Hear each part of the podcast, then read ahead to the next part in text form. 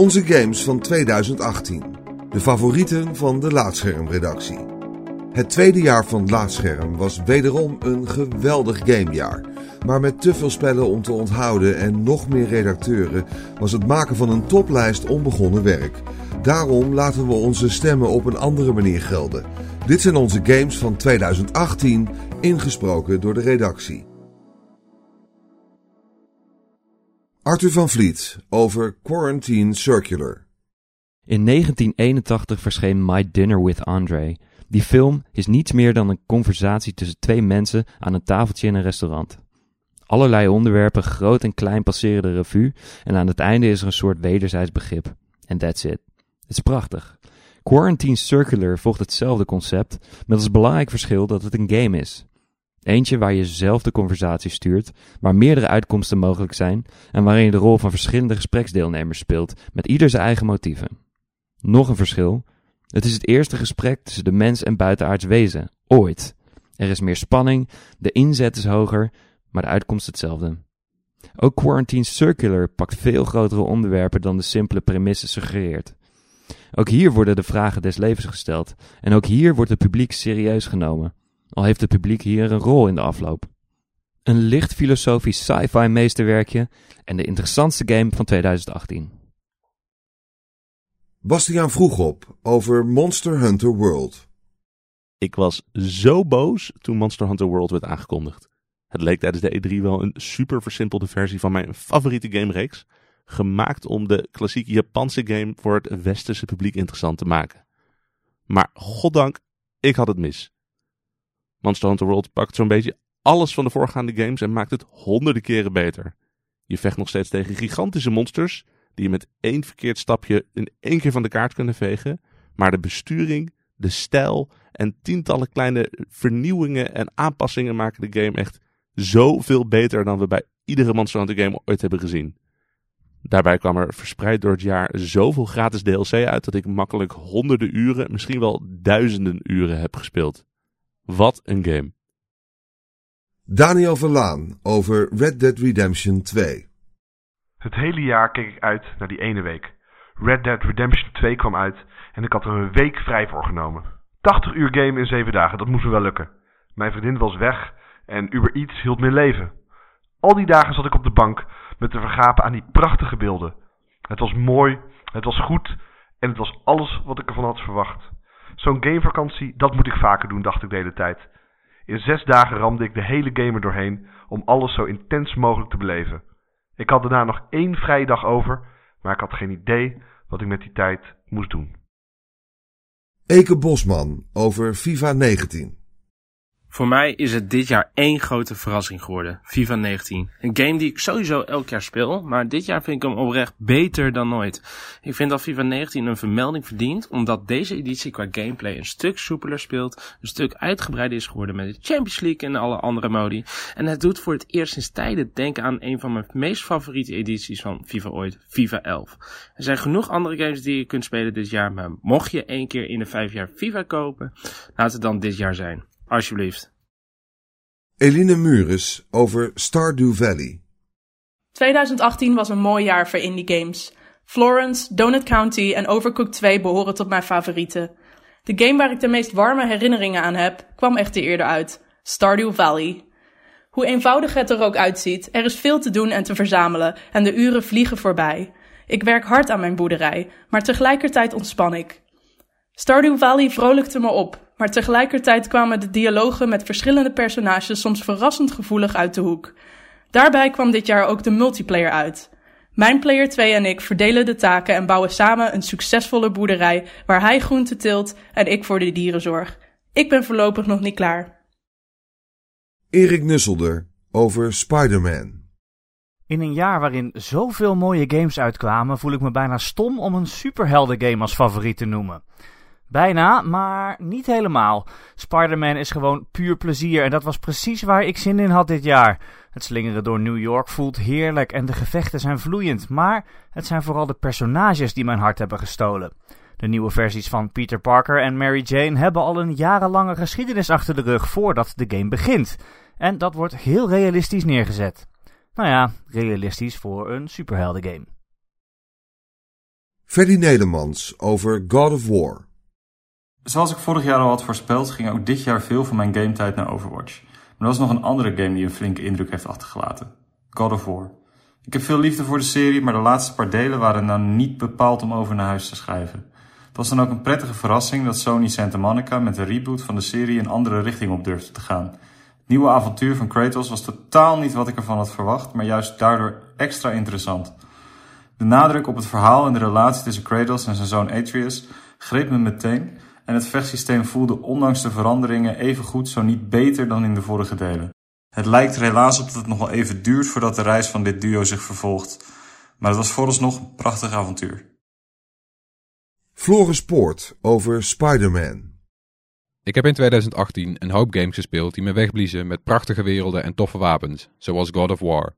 Of games die me tegelijk frustreerden en emotioneel raakten, zoals Celeste. Maar waar Red Dead Redemption 2 de meest indrukwekkende en uitgebreide open wereld game leverde, had ik het meeste plezier met Spider-Man. Een game die eigenlijk niks nieuws doet, maar wel voortdurend leuk is. Een prachtige, kleurrijke wereld waar je soepel doorheen slingert. Nog nooit was fast travel zo overbodig. Een wereld chockvol grappige en bekende personages, een toegankelijk maar toch uitdagend vechtsysteem en verrassend vol verhaal met de frisse toon van de leukste Spider-Man comics en films. Ik begon aan Spider-Man als tussendoortje. Het werd mijn favoriete hoofdgerecht. Harm Teunis over Diablo 3 Eternal Collection. Ik heb dit jaar Diablo 3 voor de derde keer gekocht. De eerste keer, toen speelde ik het op mijn Mac, de tweede keer op mijn PlayStation 4. En dat was eigenlijk wel aardig, totdat ik echt bij de endgame kwam, want daarna werd het echt veel en veel te repetitief. Na drie dungeons die er min of meer hetzelfde uitzagen, voelde het echt als een hel, pun intended, om weer als een malote button bash om er bij dat ongelooflijk suffe einde te komen. Als ik er überhaupt wel kwam. Waarom dan toch een poging en waarom het dan nu wel werkt? Waarschijnlijk omdat ik ouder, mijn leven hectischer en mijn tijd wat kostbaarder is geworden. Enter Nintendo Switch. Want de combinatie van Switch met deze game maken dat ik soms eigenlijk gewoon even korte sessies kan doen zonder dat ik daarvoor voor een tv hoef te zitten of bijvoorbeeld die kostbare tijd voor mijn vriendin in beslag moet nemen. En de endgame die ik eerder vervloekte, die werkt nou eigenlijk juist wel in mijn voordeel. Want in een half uur kan ik soms gewoon even snel door drie kerkers heen sprinten, de switch wegleggen, iets anders gaan doen en daarna toch weer even doorgaan. Datzelfde zou ik eigenlijk wel veel vaker willen hoor. Dus kom er gewoon door en geef me gewoon die Red Dead Redemption 2 voor de Switch. Ik lever met liefde al die lekkere graphics van de Xbox One of PlayStation 4 in. Zodat ik dat avontuur wat makkelijker in korte sessies op willekeurige plekken kan spelen. Het voordeel van de Switch.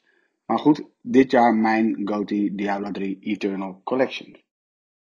Jerry Vermanen over Rocket League. Sommige dingen kun je met nagenoeg 100% zekerheid voorspellen. Morgenochtend komt de zon op, in de regen word je nat, je hand op een hete kookplaat doet pijn. En dat Red Dead Redemption 2 mijn favoriete game van 2018 zou worden. Het blijkt echter dat ik er nog wel eens naast zit. Games moesten dat afgelopen jaar voor mij vooral kant en klaar zijn. Geen tijd voor verhalen van ruim 50 uur, tot in perfectie gerenderde personages en urenlange quests. Ik had de afgelopen maanden vooral hersenloos vermaak nodig. Daarom is Rocket League voor mij de game van het afgelopen jaar. En ja, ik weet het, Rocket League komt uit 2016. En het stiekem al twee jaar lang mijn ankerpunt als ik even wat stoom moet afblazen. Inmiddels is de game dus al ruim twee jaar oud, maar elk seizoen worden er weer nieuwe features toegevoegd. En de basis blijft ijzersterk. Schakel je hersenen uit en rij een bal het doel in. En als ik iets scherper ben, dan kan ik ook nog op een iets hoger tactisch niveau mee. Rocket League bewijst dat een oude game nog steeds relevant kan zijn als je er maar genoeg liefde en aandacht aan schenkt. Jocelyn van Alphen over Taiko no Tatsugin. Wat kwam er dit jaar veel moois uit en wat was het genieten. Maar van geen enkele game genoot ik zo erg als van Taiko no Tatsujin, het hysterisch leuke Japanse drumspelletje voor de Nintendo Switch. Taiko en ik go way back. Ik weet nog goed hoe ik 13 jaar geleden in de Japanse arcadehal de drumstokken voor het eerst oppakte. Ik was op slag verliefd. De game ademde kawaii, de liedjes waren stuk voor stuk opzwepend en het was geweldig om samen te spelen. Een levenslange liefdesaffaire met Taiko no Tatsujin was begonnen. Toen ik in 2009 in Japan woonde, bracht ik gênant veel tijd door in de arcadehal en had ik letterlijk blaren op mijn handen van het trommelen. Nu is het alweer 2018 en mijn oude vlam en ik hebben elkaar opnieuw getroffen. Het was mijn geliefde die ons herenigde. Hij gaf me dit Switch-versie van Taiko no Tatsujin cadeau.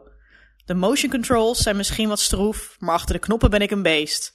Ik denk dat ik volgend jaar de bijpassende drumcontrollers aanschaf. Dus als je me tegen een beblaarde lijf loopt, dan weet je hoe dat komt. Joe van Buurik over A Way Out. Mijn beste vriend en ik kennen elkaar al ruim 22 jaar. Buiten schooltijd speelden we eerst samen wat muziek, om zo de blitz te kunnen maken op het schoolpodium tijdens de jaarlijkse carnavalsacts, maar later vooral veel games.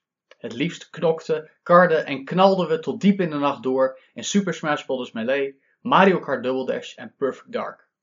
Naarmate het einde van onze middelbare schooljaren echter naderde, kwam het steeds minder van ouderwets lekker gamen. En hoewel we de laatste jaren praktisch buren waren, spendeerden we nog amper een paar uurtjes per jaar samen aan onze geliefde jeugdhobby. Tot we in 2018 een hele middag inlasten voor A Way Out.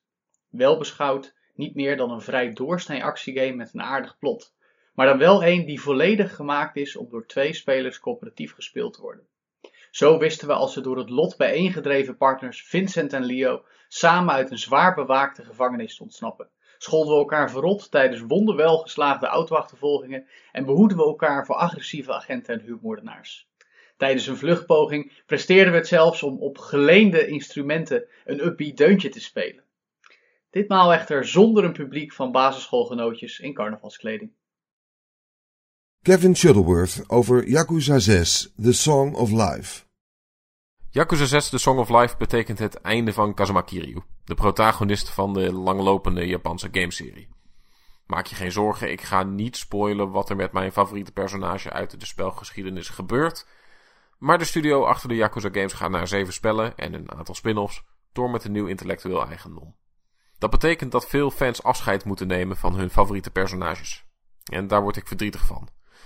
Ik heb nog maar drie games in de serie gespeeld, maar ik heb er al zoveel mooie herinneringen aan overgehouden. En de mooiste daarvan komen uit Yakuza 6. Zoals die keer dat Kiryu de rol aannam van een mascotte om een vader eraan te herinneren wat er voor nodig is om een goede ouder te zijn. Weet je, ik kan tig anekdotes oprakelen, maar daar is gewoon de ruimte niet voor. Want wat het beste werkt aan Yakuza 6 is de totale afwezigheid van toxiciteit en onbegrip. Geen enkele keer maakt de game met een overdaad aan testosteron grote mannen iemands geaardheid, gevoelens of achtergrond belachelijk. Hoe je je ook voelt en waarom je je ook zo voelt, het is oké, vertelt Yakuza 6 zijn spelers via Kazuma Kiryu. Dat is een boodschap waar iedereen wat aan heeft, vooral in 2018. En daarom ben ik verdrietig dat Kazuma Kiryu's avonturen ten einde komen. Ik heb nog vier games in de serie te goed, maar voor fans van het eerste uur valt het doek. Lars Paimans over Hollow Knight. Met Red Dead Redemption 2, God of War en Spider-Man was er in 2018 geen gebrek aan blockbuster games met baanbrekende graphics, emotionele verhalen en een enorme open wereld om te ontdekken. Toch is mijn favoriete game van 2018 iets heel anders. Het minimalistische en minstens zo indrukwekkende Hollow Knight. Toen deze game dit jaar op de Switch verscheen en ik hem, zoals zo vaak, in een impuls kocht en installeerde, had ik nog geen idee wat me te wachten stond. Het is dan ook niet voor niks dat ik een speciaal verhaal op laadscherm aangeweid heb om uiteen te zetten wat Hollow Knight nou tot zo'n bijzondere game maakte. Van de sombere wereld en de uitdagende bosfights tot de schilderachtige grafische stijl en het mysterieuze verhaal dat je stukje bij beetje zelf samenstelt.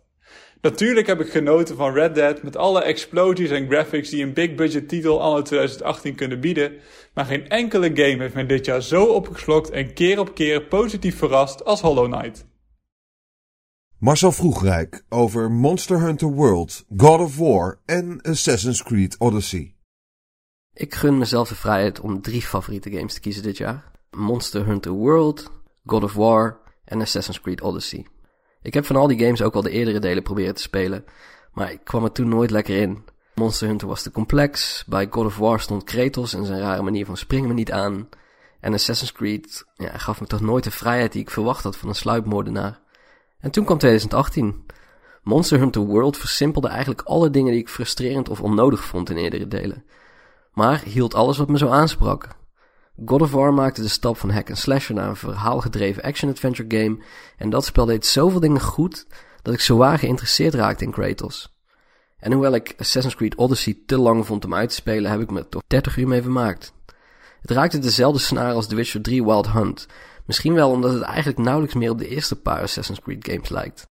Mijn drie favoriete games van dit jaar leiden daarom tot een belangrijke realisatie. Het is niet mijn schuld dat die series me nooit eerder konden boeien. De lat lag gewoon te laag bij vorige delen. Ron Forstemans over Celeste. De beste game van het jaar voor mij is Celeste. Een game die begin dit jaar uitkwam en achteraf, maar ook toen al, heel bijzonder voor mij bleek. Ehm, ik heb geen ervaring met de psychische klachten van het hoofdpersonage Madeline. Haar angsten, haar innerlijke tweestrijd zetten haar in de game, in de platformer, ehm, tot het beklimmen van een berg, de berg Celeste. En die berg is natuurlijk een metafoor. Madeline trotseert in de game niet alleen Celeste als berg, maar daarmee ook haar eigen ellende. Uh, ze hoopt zo beter uit de strijd te komen. En Madeline en ik kunnen elkaar in dat opzicht de hand schudden. Uh, ik weet maar al te goed hoe uitzichtloos een uitzicht kan zijn. Eind 2017 werd mijn moeder ziek, kanker. En 2018 beloofde echt een lijdensweg te worden. Maar het lot was haar goed gezind. Mijn moeder zit in een bijster gunstig scenario. Daar ben ik natuurlijk heel erg gelukkig mee. Maar begin dit jaar was dat allemaal nog niet duidelijk. En Celeste leerde mij toen eigenlijk, net als het Madeline het leerde, uh, om het beste uit het slechtste te halen. Ik heb Celeste uitgespeeld en grotendeels gespeeld in het ziekenhuis. Op zo'n ongemakkelijk stoeltje met de switch ter hand. Ik heb daar, ondanks de context, louter goede herinneringen aan overgehouden. Zeker aan dat einde. Dat slotstuk van Celeste is misschien wel een van de best geïntegreerde slotpassages die ik ooit in een game heb gezien. Op een soort van high van gameplay en emotie reeg ik daar in dat klinische wachtkamertje platformpuzzels aan elkaar alsof ze niets waren. En die muziek, die muziek resoneerde met mijn gevoelens op manieren die ik niet voor mogelijk hield in een videogame. Ik wist niet dat een videogame zo kon zijn. Ik had kippenvel. Ondanks die situatie was het zo prachtig. Celeste is zo mooi, het is zo perfect. Ik ben zo blij dat ik nu nog steeds met zo'n goed gevoel op die game en die hele periode waarin ik hem speelde kan terugkijken. Het maakt die metafoor van Celeste, die zo centraal staat, voor mij zoveel mooier dan die al was. Rutger Otto over Spider-Man. Voor Spider-Man games heb ik altijd een zwak gehad. Maar dat het nieuwste deel mijn game van het jaar zou worden, had ik vooraf niet gedacht. Want imposante titels als Red Dead Redemption 2 en God of War kwamen uit.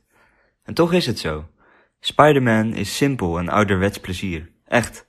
Want het is heus niet de meest moderne en vooruitstrevende game die in 2018 uitkwam. Maar het was wel de leukste. Van begin tot eind. En hoera voor de beste fotomodus in een game van dit jaar. Thijs Barnard over Into the Breach. Ik zou graag goed kunnen schaken, maar mijn hersens lijken er niet voor gemaakt. Eén stap vooruit denken lukt nog net, maar mijn tegenstander twee zetten voorblijven is te veel gevraagd. Ik zou niets liever willen dan als een meesterstrateeg mijn rivaal schaakmat zetten voordat ik überhaupt een stuk verzet heb, maar dat zit er gewoon niet in. Tenminste, dat dacht ik altijd voordat ik dit jaar Into the Breach speelde. In Into the Breach worden alle feiten van iedere beurt keurig voor je uitgestald. Hier komt de vloedgolf het land in, dit buitenaardse gedrog gaat een gebouw aanvallen, even verderop verandert je Mac is groot als je hem niet heel snel verplaatst, en het allemaal in die volgorde. De overwinning hangt in deze strategiegame niet af van gelukspercentages of aanvallen die je niet aan kan zien komen. Into Beach is fair zonder de speler te sparen en voor het eerst in mijn leven denk ik bij een schaakspel meer dan één set vooruit. Alleen al daarom heb ik deze game zo verschrikkelijk hoog zitten. Thijs Kaagman over Spider-Man. De game waar ik dit jaar de meeste uren in heb gestoken is waarschijnlijk World of Warcraft en dan specifiek de uitbreiding Battle for Azeroth. De tussenhaakjes beste game die ik gespeeld heb is dan zonder twijfel Red Dead Redemption 2. Maar de leukste game dit jaar vond ik Spider-Man. Het slingeren door de stad voelde heerlijk en deed denken aan een Spidey game die ik ooit op de Gamecube speelde. Het combat systeem was toegankelijk genoeg om direct leuk te zijn en uitdagend genoeg om tot het einde van de game ook leuk te blijven. Na zo'n 20 uur had ik het einde van het verhaal gehaald, waarna ik geheel tegen mijn non-completionist natuur in nog een aantal uren heb gespeeld om wat bonus objectives en sidequests te voltooien. Ook dat was precies lang genoeg om waar voor mijn geld te bieden, maar kort genoeg om het leuk te houden. Ik heb zelfs voor het eerst van mijn leven vaker dan één keer gebruik gemaakt van de fotomode. Als een superheld die gehurkt op het puntje van het Empire State Building zit, is Spider-Man voor mij perfect in balans.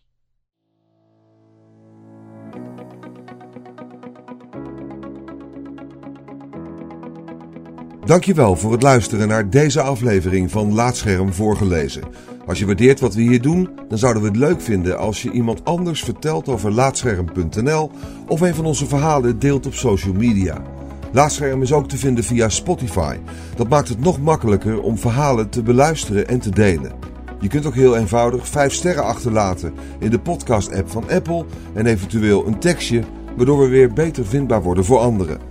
Luister ook naar onze andere podcast, Praatscherm, en ga voor meer verhalen, geschreven of gesproken, naar laatscherm.nl.